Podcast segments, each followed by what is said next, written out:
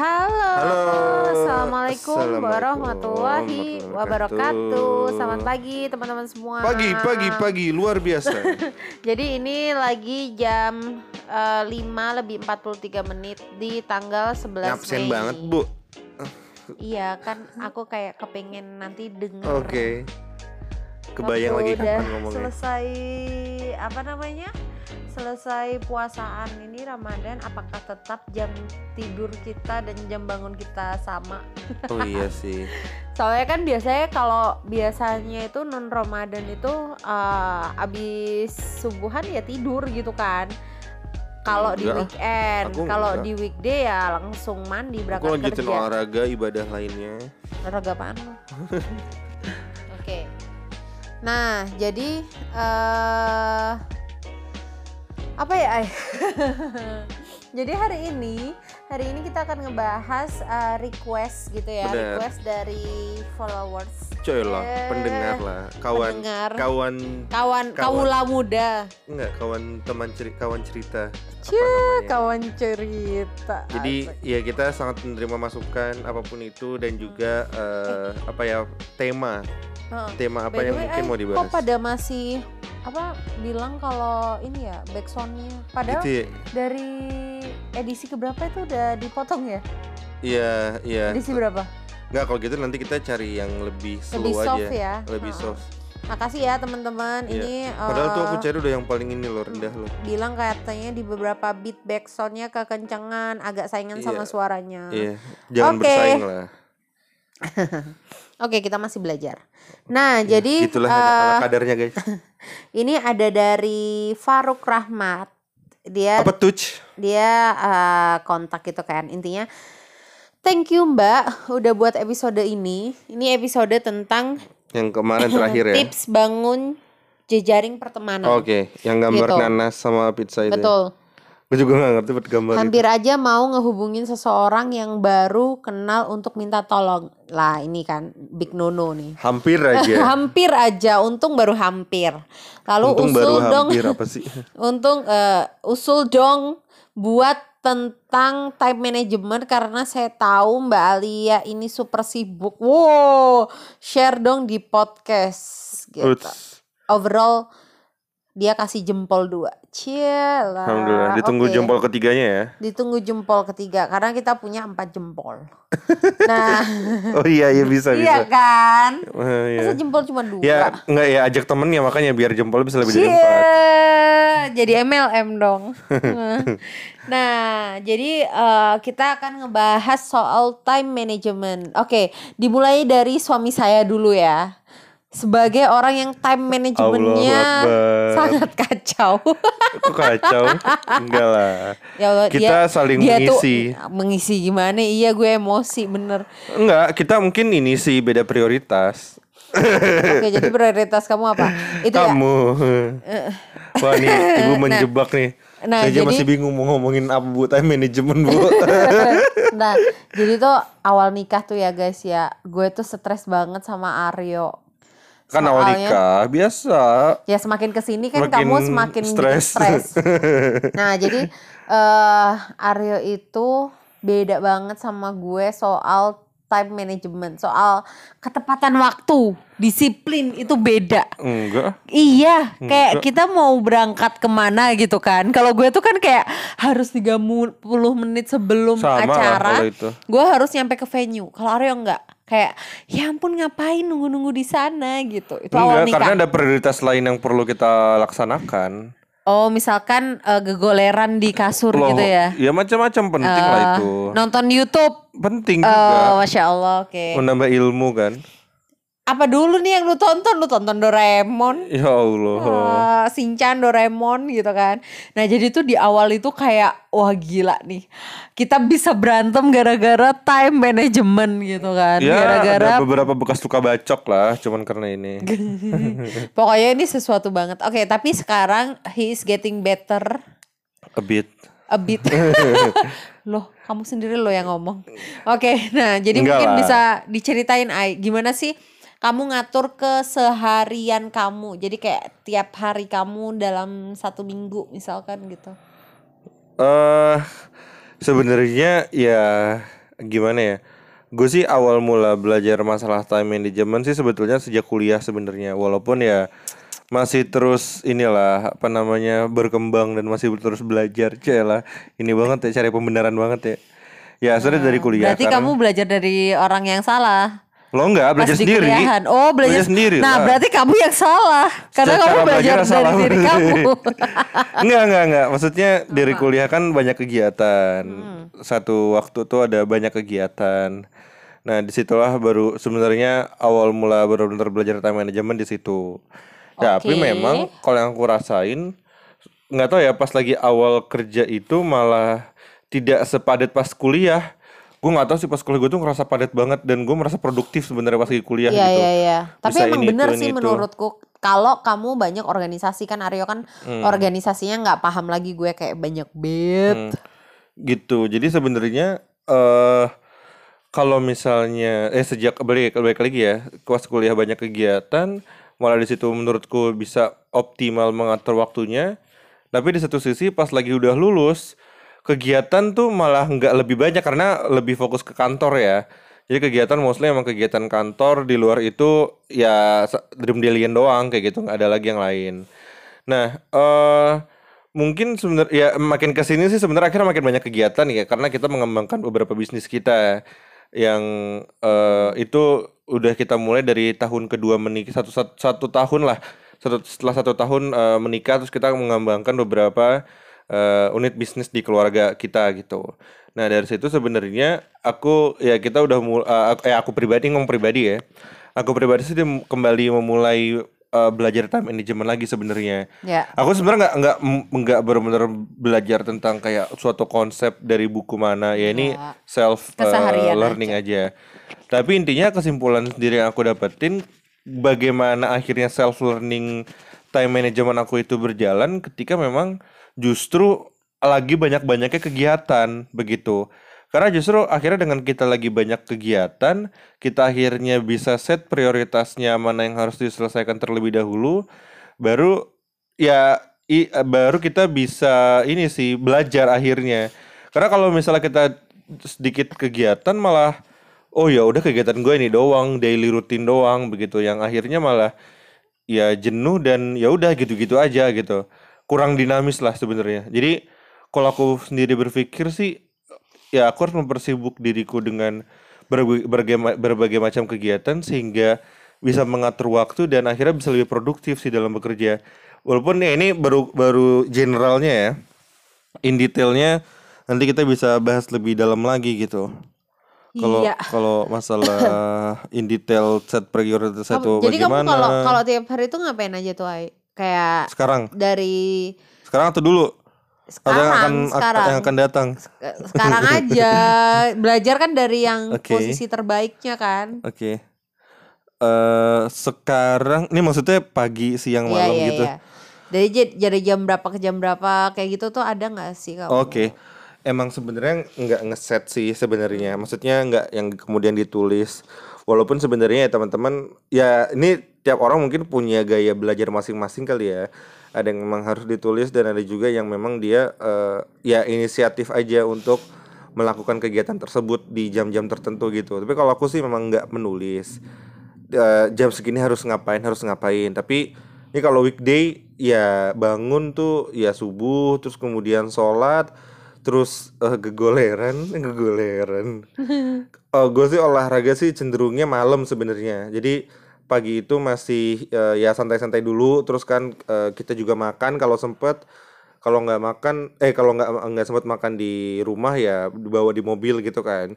Karena kan sering juga kan sambil nganterin kamu ke daerah kuningan sambil Ya. kita ya ngobrol-ngobrol. Dan itu itu waktu yang eh, karena memang waktu kita yang bener-bener menurutku cukup quality time artinya kita masih belum capek dan otaknya masih jernih ya di pagi itu sih Iya, Jadi, sambil disuapin areanya. sambil gue gue sambil disuapin sambil nganterin sambil ngobrol apa yang kita bisa diskusikan gitu apalagi kan macet tuh kok daerah kuningan dahsyat tuh jadi Ya, waktunya satu setengah jam lumayan lah ya. lumayan sih waktunya lumayan lah untuk kita bisa ngobrol gitu nah dari situ yaudah gue berke kantor sekitar satu jam biasanya habis dari nganterin Alia beraktivitas di kantor nggak perlu dijelasin lah ya karena Jadinya Apa? urusan kantor lah ya. ya urusan kantor lah.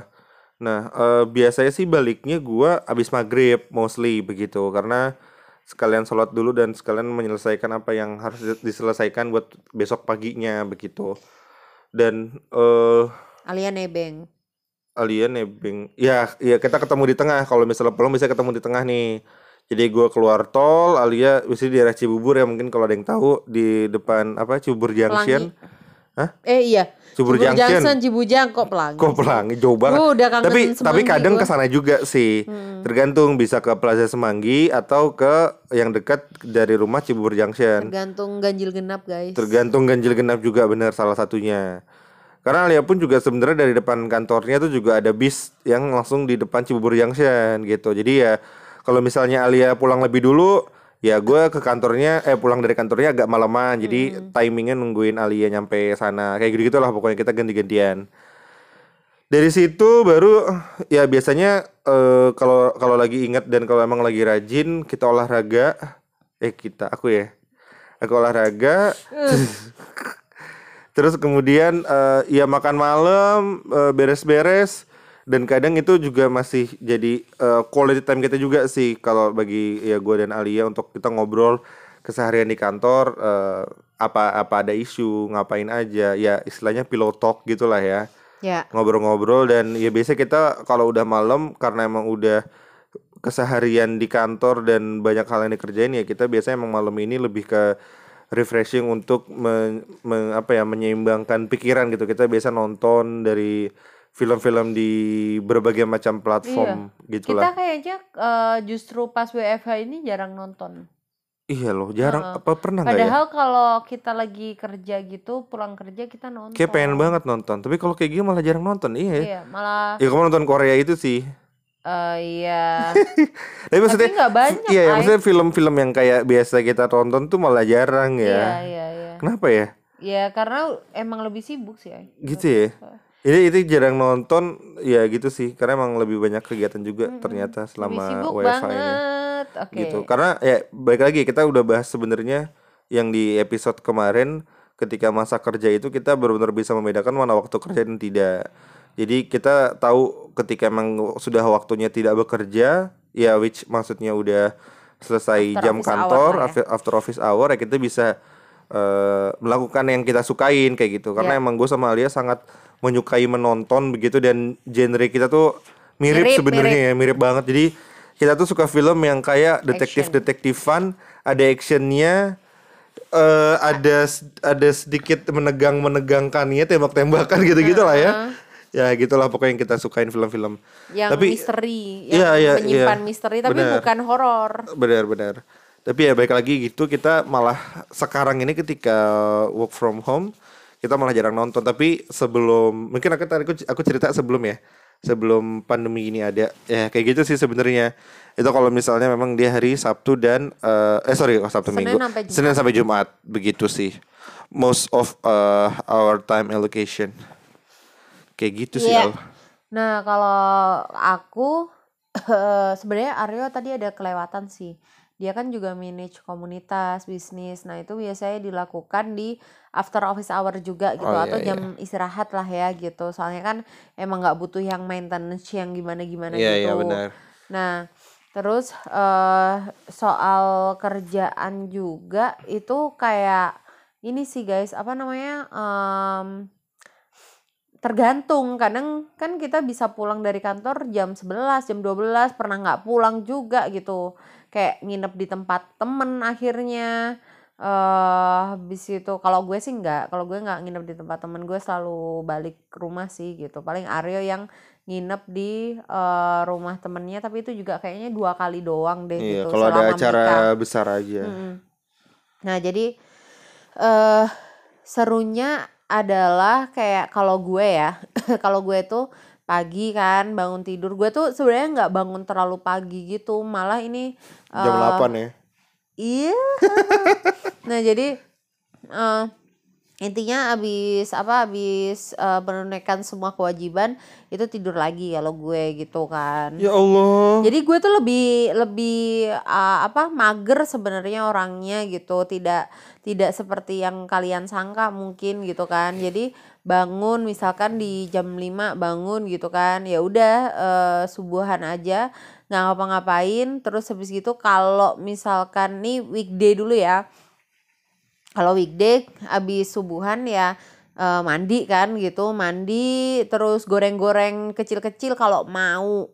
Misalkan goreng telur gitu. Terus udah kalau misalkan oh nggak keburu nih buat goreng-goreng apa pun gitu kan beli nasi kuning 15.000 ribu gitu terus habis gitu beli lontong dan lain sebagainya.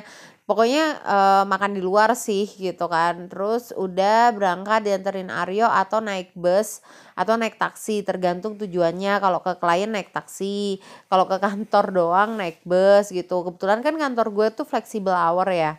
Jadi eh apa kayak ya udah yang penting kerjaan itu kelar sih sebenarnya gitu. Ya. Jadi nggak terlalu mempermasalahkan kita nyampe kantor jam berapa. Sekarang sebenarnya memang banyak perusahaan yang output oriented ya. Maksudnya ya lo Iya. mau kerja di mana pun tapi selama deliverablesnya bagus ya nggak masalah. Iya, Tapi dan- ini tergantung kantor masing-masing loh ya nggak Heeh, semua. dan dan ini aku ngerasain banget sih Ai gitu kantor aku tuh kayak orangnya itu nggak nggak mencampuri urusan orang lain gitu. Jadi kalau kita berangkatnya nyampe kantor siang itu nggak ada yang ngomongin gitu. Nggak ada yang kayak eh lu kok eh apa nggak on time? gitu. Karena ya emang semua tahu kita di luar kerja.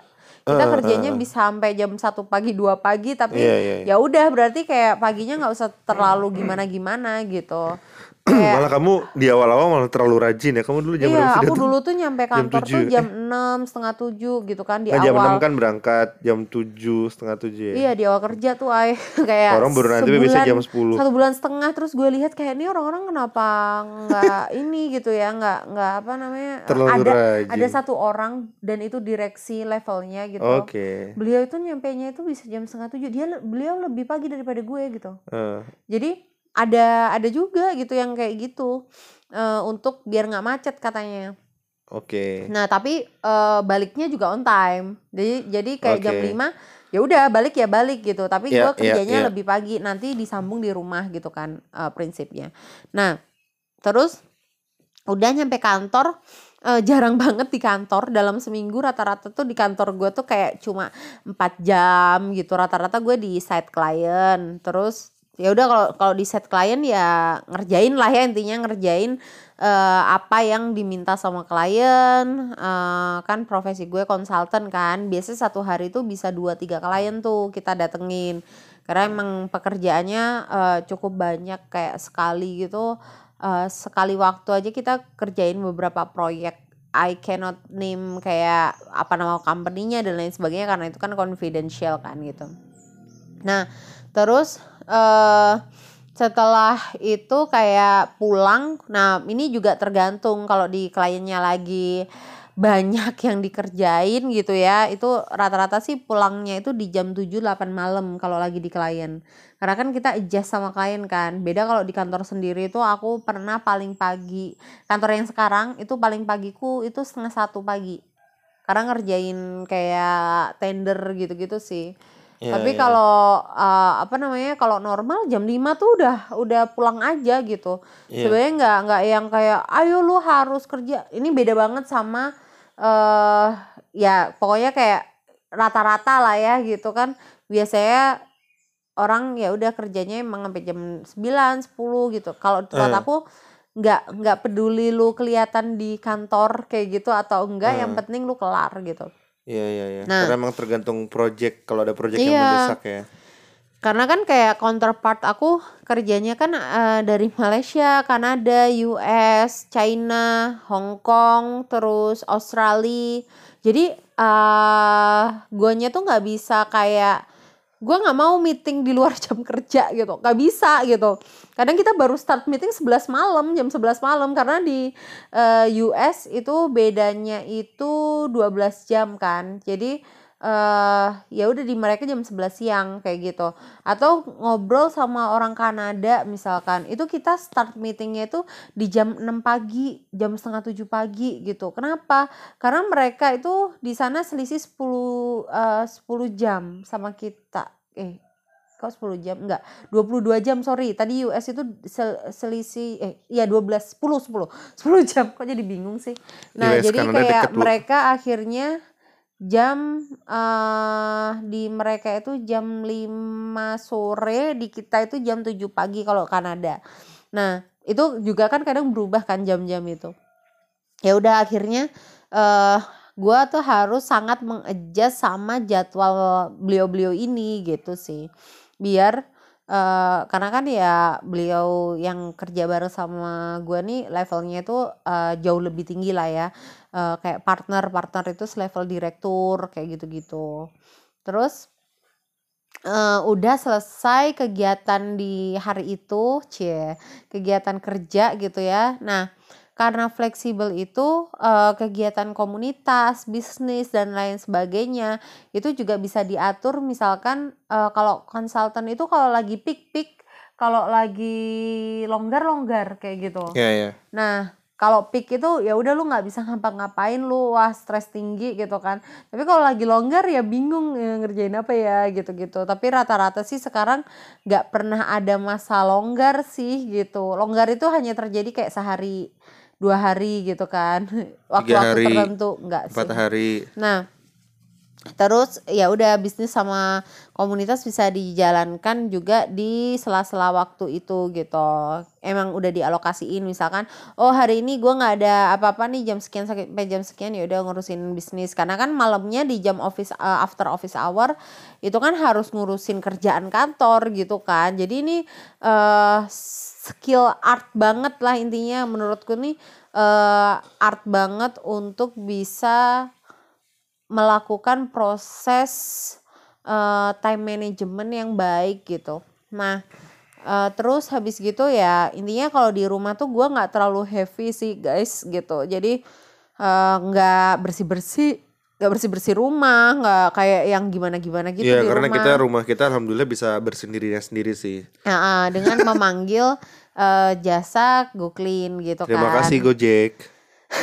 Nah, terus habis itu eh, paling ya cuma nyuci baju sama kayak apa ya eh, jemur doang yang cukup berat itu juga kalau males masukin ke laundry. Jadi tugas-tugas rumah tangga itu nggak terlalu banyak sih paling ya ya udah sama Aryo saling paham aja kan bahwa Saling kesibukan paham. kesibukan di luar tuh menggila gitu. Terus pas uh, weekend gue masih kerja kan gitu. Ada kelas-kelas jadi moderator jadi pembicara. Terus juga em, ya ada meeting-meeting komunitas gitu. Itu weekend sih memang. Kayak di weekday gue sangat menghindari. Oh ya di weekday gue ada program namanya after office hour. Jadi ketemu sama orang-orang baru gitu selepas pulang Bangun kerja. networking ya. untuk networking. Kayak gitu sih. Eh, menulis gue lakukan kayak untuk ngisi konten di Instagram itu gue lakukan sama perjalanan dari rumah ke kantor kantor ke rumah gitu. Karena gue nggak bisa ngelakuin itu di sela-sela jam kerja gitu. Kenapa? Karena jatuhnya nanti nggak ada feel-nya di tulisan gue gitu. Nah itu sih yang gue sangat perhatikan. Karena setiap kali gue nulis berarti ya itu eh, bener-bener pengalaman gue itu bener-bener yang kayak dari hati. Gue tuh pakai perasaan banget ketika menulis gitu. Jadi nggak bisa gue lakukan di jam-jam kerja kayak gitu sih. Terus eh, apalagi ya kegiatanku lainnya ya udah sih. Kenapa ya nanya saya jadi kegiatan saudari? lupa gitu. Nah gitu. Kalau ngepodcast ini Iya. kan baru sesuatu yang baru. Jadi after subuhan itu kita emang nggak tidur terus kita masih ngobrol dulu masih saling eh, apa ngegodain dulu gitu kan Jaelah. ngegodain itu gimana ya maksudnya kayak bercanda guys gitu nah Digadoin. digaduh.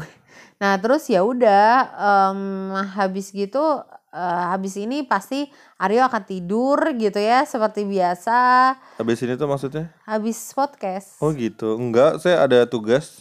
Ini kan hari aku- Senin Nanti sekarang. aku fotoin, oke? Siap, mantap. Nah, terus nanti aku harus bangunin Aryo di jam 8 pagi karena itu jam kerja. Eh, terus habis gitu ya udah kita pisah ruangan. Iya, biar Alia dalam kamar gue di luar. Nah, iya. Itu udah tuh udah jadi kayak pakem tuh tiap kalau Senin sampai Jumat gue keluar Alia di dalam. Karena gue pakai AC. Gua Aryo pakai apa Kayak tuh? kipas. Pakai kipas, kipas air. gitu tapi yang ya yang bagus lah gitu. Nah, gitu. Karena gue nggak bisa nggak bisa panas. Ya gitulah. Soalnya kalau panas gue Gaya-gaya orang tropis padahal. Soalnya kalau panas gue kayak aduh nggak mood ngapa-ngapain, bikin gue bete gitu. Iya, iya. Nah, Oke, teman-teman. Jadi eh, itu sebenarnya kita sharing dari eh, ya daily routine kita sebenarnya ya, Iya. eh, khususnya di kegiatan sebelum adanya pandemi ini, di kondisi Yes. normal begitu. yes. Tapi dengan new normal nanti kita nggak tahu sebenarnya akan seperti apa. Bener. Nah, Ini kan eh, nggak tertebak ya, ya. Ya ya ya, tapi ya ya kita belum bisa memprediksi tapi kemungkinan eh, kalaupun berubah nggak banyak berubah banget lah Eh, dalam dalam keseharian ya, bukan dalam behavior ya. Nah, eh, mungkin sekarang mau sharing kayak dari practicalsnya tuh apa sih mungkin kita bisa lakukan begitu.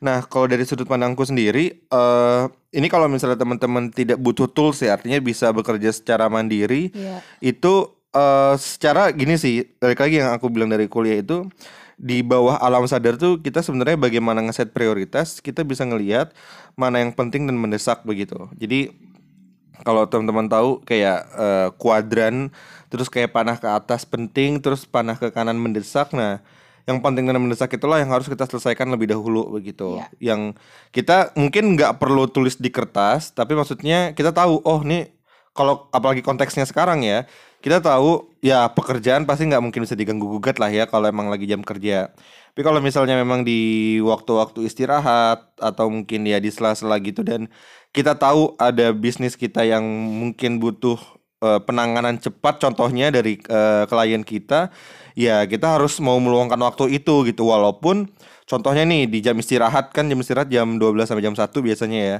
Walaupun mungkin kita eh, abis itu jam 1 atau jam 2 ada ada pekerjaan yang eh, atau ada meeting begitu. Tapi artinya kita harus mau meluangkan waktu karena kita udah tahu ini sangat penting nih dan mendesak karena kalau misalnya kita tidak melakukan ini ya klien kita akan gak happy begitu jadi secara alam bawah sadar pun sudah terbangun dan mungkin sudah mungkin coba bisa dilatih juga bagaimana sih memprioritaskan hal tersebut begitu nah terus eh, yang kedua ini untungnya sih di kantor aku ini eh, apa ya kita tuh punya kebiasaan kalau misalnya kita ada meeting tuh kita pasti shoot di kalender eh, Google Calendar Ya sama sih. sama ya. Jadi ini karena behavior ini nggak tahu ya kalau dari dari kantorku sebelum sebelumnya itu nggak ada begitu. gitu. Eh, ya mungkin sekarang ini kecenderungan kantor udah banyak nih yang menerapkan hal seperti ini. Emang dari awal karirmu juga Dari ya? tujuh tahun, Dari tujuh tahun kayak gitu tujuh ya? tahun karirku selalu Eh. itu.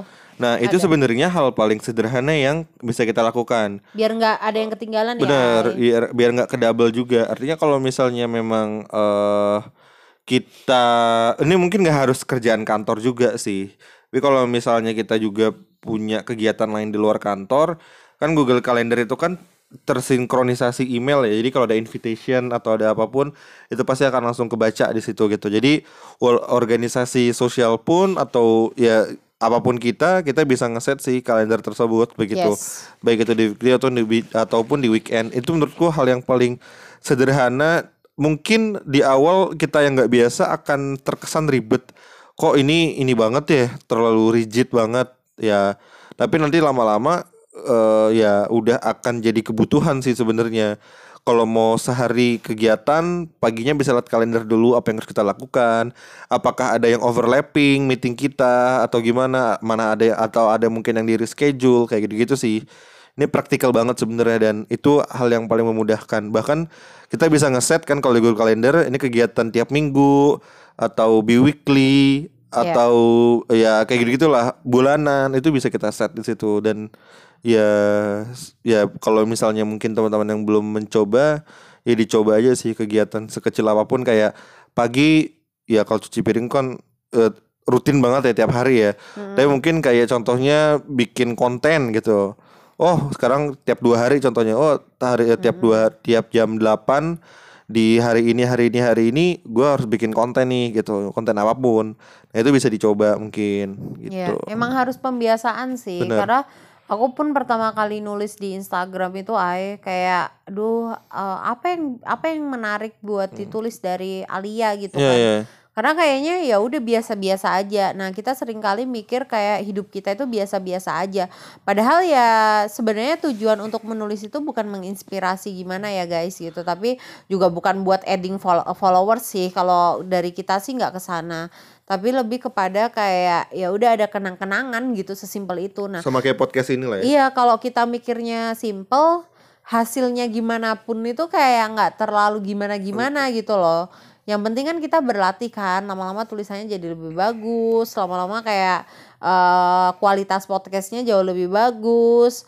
Kita bener-bener mencoba menjawab apa kebutuhan dari eh, pendengar Syel. kayak gitu-gitu sih. Terus kayak di Instagram pun eh, apa aku ngedengerin banget kata-kata followers gitu. Jadi misalkan Kak bahas dong tentang ini kondisiku lagi kayak gini gini gini. Oh ya, oke aku akan bahas yang kayak gitu sih Ay. Jadi itu lebih eh, jatuhnya itu lebih menyenangkan aja buat aku pribadi gitu. Iya iya benar-benar. Eh itu artinya eh, pembiasaan diri ya. Nah aku pernah baca lah salah satu bukunya Hatta dulu. Heeh. Eh dia ini adalah salah satu tokoh yang ya sangat disiplin lah begitu. Oke. Nah bahkan di salah satu tempat pengasingannya dia, gue lupa pas lagi di mana di Boven atau pas lagi di mana gitu. Bahkan eh, dia itu tiap pagi har, tiap harinya di jam ter- di jam tersebut itu selalu melakukan kegiatan yang eh, rutin begitu. Eh, setiap pagi kalau salah dia kayak keluar ke- keliling sawah naik sepeda terus orang-orang ya nyapa orang-orang dan tiap pagi seperti itu. Nah Ya. sebenarnya aku lupa nih istilahnya tuh apa sebenarnya dalam psikologi karena gue bukan orang psikologi ya. Oke, bentar aku aku mau ngecek juga nih. Ada yang kayak apa gitu Apa tuh? teori. Coba kamu lanjutin Eh, aja. nah intinya eh, kegiatan kalau kita mau membiasakan diri ya memang akan berat di awal. Tapi nanti secara alam bawah sadar kita, secara apa ya? Aku lupa pakai istilah itu apa. Kayak secara kalau kita belajar itu dengan cara fisik kita motorik kita bergerak, maka secara nggak sadar itu akan terus kita lakukan. Gimana bahasanya ya? Ya. Nah, Ngerti kan maksudnya ya kan? ya itu kayak membentuk habit sih. membentuk habit ya jadi kayak kalau misalnya contoh nih sekarang gue tiap pagi tidak eh, cuci piring contohnya jam 7 eh, eh, sebelumnya gue nggak cuci piring sama sekali. Nah gue mau mencoba membiasakan diri gue gue pokoknya setiap jam 7 itu gue harus cuci piring begitu. Nah mungkin di seminggu awal itu kita Berat. sangat sulit untuk membiasakan cuci piring di jam Bu- 7 Bahkan sebulan awal kali ya Ayah itu kan ya mungkin mungkin masing-masing orang baik. learning masing-masing orang learningnya bisa beda-beda sih. Ada yang mungkin ya langsung tuh sangat keren banget tapi ada yang juga mungkin minggu atau bahkan bulan kayak gitu. Nah tapi ketika kita sudah biasa pastinya akan ada satu titik, titik di mana eh ketika nggak cuci piring di jam 7 itu bawaannya ada yang beda gitu Betul. dan ini sebenarnya sesederhana sholat sebenarnya iya nggak Iya iya iya iya. kalau misalnya banget. sholat dulu pas lagi kita kecil ya ya kita masih nggak ngerti sholat itu apa akhirnya kita dibiasakan oleh orang tua kita akhirnya sholat menjadi kebiasaan akhirnya ketika nggak sholat itu nggak kayaknya tenang. nggak tenang karena kita tahu bahwa kita tahu nih sholat ini adalah hal yang penting untuk diri kita dan ya ya untuk untuk nah akhirat kita begitu kan jadi ketika kita tidak melakukan ini ada sesuatu yang beda gitu sih karena ini jadi kebiasaan dan kita tahu urgensi dari kita melakukan kegiatan itu tuh apa Iya, begitu iya, sih iya, bener banget. Nah, ini juga eh, pengetahuan yang bagus banget buat teman-teman. Jadi em, kan orang tuh banyak yang gini. Gue tuh capek banget proses belajar untuk belajar gitu kan. Oke. Tapi gue kepengen bisa ahli di satu bidang. Nah, ini butuh time management yang bagus, ah yang tadi kamu bilang sebenarnya kan ngatur waktu di kondisi-kondisi tertentu, waktu-waktu tertentu itu eh, untuk mengerjakan sebuah pekerjaan. Nah, kalau teman-teman pernah tahu tentang teori 10.000 jam itu Oh, iya, iya, dipopulerkan iya, iya, sama Malcolm Gladwell kalau kita mau buku menguasai outlier suatu skill iya di mana eh, untuk seorang ahli yang di bidangnya itu diperlukan jam terbang selama 10.000 jam gitu kayak misalkan suksesnya Bill Gates dan lain sebagainya itu kan mereka karena eh, 10.000 jam kan gitu nah sekarang kita coba ya 10.000 jam itu kalau diharikan itu adalah 416 ha, eh, Tahun sorry. lebih Ini 416 hari gitu. berapa Terus kalau kita bagi 24 eh sorry, sorry. Jadi kayak 10.000 jam dibagi 30 365 hari gitu kan ya, misalkan. Eh dibagi 40 dulu ya. Gimana sih Alia nih? Ntar, ntar. Nah, intinya 10.000 jam dibagi 24 jam itu berarti kita butuh 416 hari. 416 hari Oke. itu setahun lebih kan Ai gitu ya. Iya, iya. eh itu kayak setahun ya mungkin setahun tiga bulan empat bulan lah kayak gitu. Nah artinya tapi ini kalau kita lakukan 24 jam loh Ai. Oh. Sementara kita biasanya menekuni sesuatu itu anggap kita Anggaplah satu hari baginya satu hari dua jam sehari lah. cuma punya alokasi dua jam gitu untuk melakukan hal tersebut. Itu kita butuh kayak 5000 hari gitu. Oke. 5000 hari kita bagi 365 itu butuh 13 tahunan. Wow. Loh, itu berarti kan kayak panjang banget Iya, iya, iya, perjalanan iya. yang panjang kan. Nah, itu aja kalau lu kepengen mastering sesuatu, anggap lu Benar, benar, kerja benar. ya. Lu kerja aja 10.000 dibagi 8 itu 1250 hari. Kal- kalian bagi 365 itu artinya tiga tahun, tiga setengah tahun lebih. Itu waktu untuk belajar biar mastering di satu bidang. Di Jadi- pekerjaan kita ya itu karena betul 8 jam. betul jadi itu aja butuh tiga tiga tahun gitu. Makanya Ai kenapa eh, sering dibilang kayak lu tuh kalau mau resign tuh jangan cepet-cepet. Karena Oke. idealnya itu 2 sampai tiga tahun lu ada di satu perusahaan kayak iya, gitu. iya, paham, atau paham. satu bidang tertentu kayak gitu. Agree, jadi agree, agree. itu kenapa biar kita mastering ke satu hal. Karena kan ya tadi ya balik lagi lu cuma belajarnya berapa? Belajar lu tuh cuma eh, sehari katakanlah waktu kerja efektif lu tuh 8 jam gitu Kalau gitu berarti nih eh, seluruh anak-anak muda di seluruh dunia ini akan menjadi ahli sosial media ya. Karena tiap hari sosial media terus Iya, iya, iya. udah mastering Nah, banget kayaknya. Nah itu juga nanti kan dikategoriin Lu sosial medianya apa? Lu ngepoin lambe turah misalkan Atau lu apa gitu kan ya Jadi berarti dia expert untuk ngepoin orang. Ya, kalau kita butuh kalau kita butuh orang untuk ngepoin ya kita tolong kita dia aja. hire orang itu Bener. gitu Artinya nggak ada sesuatu yang buruk nggak ada sesuatu yang gimana gitu Maksudnya gini loh eh, Lu kan bisa memprioritaskan waktu lu sendiri ya Bisa Iya. bisa kayak tahu tujuan apa lu, tahu tujuan. tujuan lu gitu Jadi ya lu mau ngepoin akun-akun gosip ya monggo Kalau kalau misalnya lu rasa ini punya prospek yang besar punya ke depannya. yang besar oh, lu bisa jadi apa gitu kan Heeh. nah tapi kalau gue sama suami ya goalsnya adalah pinter bikin eh, konten-konten yang punya benefit untuk eh, sosial community gitu jadinya ya udah kayak kita yang kita tekuni setiap hari yang seperti itu. Itu pun Bener. setiap hari nggak lebih dari satu jam untuk yang sifatnya eh apa namanya sharing-sharing di sosial media. Paling paling banter satu setengah jam ya. Itu kalau lagi kayak gabut gitu loh nggak ngerti mau ngapain terus ya udah explore cuma gini gue tuh tipikal orang yang bisa eh, ngerjain beberapa hal bersamaan sih ay gitu kan Iya ya. Nah, jadi sambil ngerjain tugas kantor, gue tuh sambil dengerin podcast, gue sambil kayak lihat YouTube, itu gue bisa gitu guys. Itu kayak kalau nggak ada kayak gitu, gue malah lebih lambat kerja gue. Kalau ada kayak gitu, gue ngerasa eh, terhibur. Nah, ketika ngerasa terhibur ya hap- lebih happy aja sih intinya itu Iya, iya, benar, benar. gitu. Nah, mungkin ya teman-teman bisa mencoba lah ya masing-masing pakai pakai tujuannya masing-masing mau ngapain gitu kan. Iya. Intinya time management ini adalah sesuatu yang penting. Coba kalau dalam sehari lu lu alokasiin 3 jam aja untuk mendalami sesuatu. Nah, I think you will be very expert sih di di uh, apa in the next three years atau four years gitu dari sekarang gitu sih. Benar.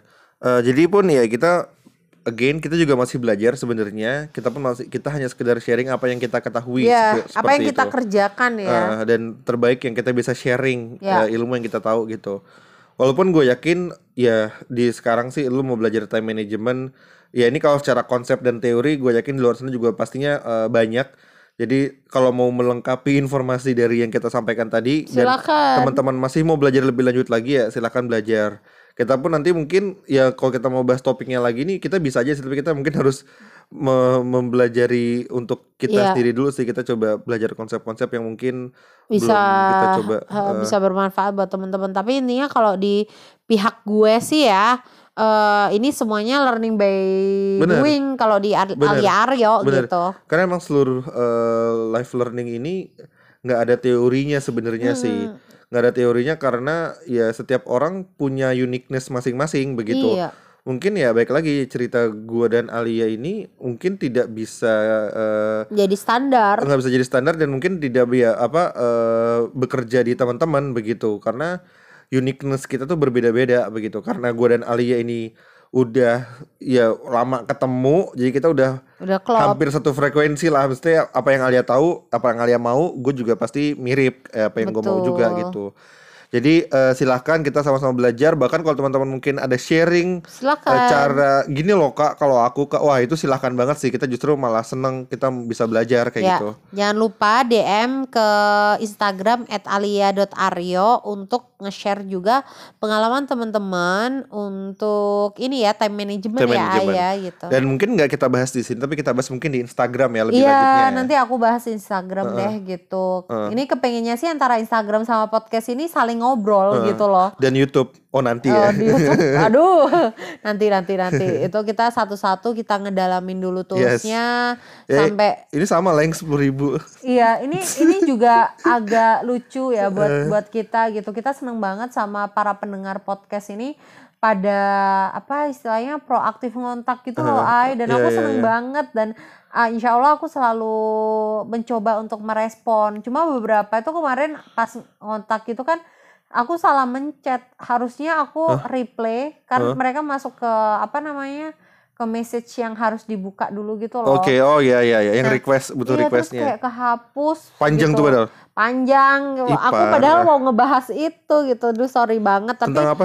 eh dia ya intinya kayak kepingin kita nge-share lebih banyak lagi karena ngerasa bermanfaat. Oh, oke. Ada yang belum download Spotify jadinya download Spotify demi ngedengerin dan Oke, lain terima sebagainya. kasih. jadi kayak banyak banget sih makasih banget buat teman-teman pendengar yang eh, keren abis gitu ya. Iya, iya. dan jangan lupa kasih feedback juga ke kita sehingga kita nggak cuma kayak kalian puji-puji doang gitu. Dan kadang orang yang punya feedback yang apa istilahnya nyelekit itu justru lebih akan memperbaiki kualitas bener, ya bener. kualitas Karena aku kita, yakin gitu. sebenarnya juga ada di luar sana yang eh, mempunya eh, unek-unek serupa tapi mungkin tidak berani. Iya. Jadi artinya kita sangat apresiasi lah teman-teman. Kita nggak akan makasih menjauhi, ya. nggak akan memusuhi, nggak akan ngeblok nggak akan ini ngeblok santai. Jadi ya eh, kita seneng banget kalau kalian bisa ngasih feedback wah itu bakal keren banget buat kita dan kalau kalian ada request topik-topik tertentu Bener, silakan karena kayak ini pun juga dibahas eh, request dari teman-teman. Iya, ini udah dua tiga kali kita ngebahas request teman-teman. Jadi Bener. eh kita kepingin punya hubungan yang baik juga sama teman-teman Au. pendengar.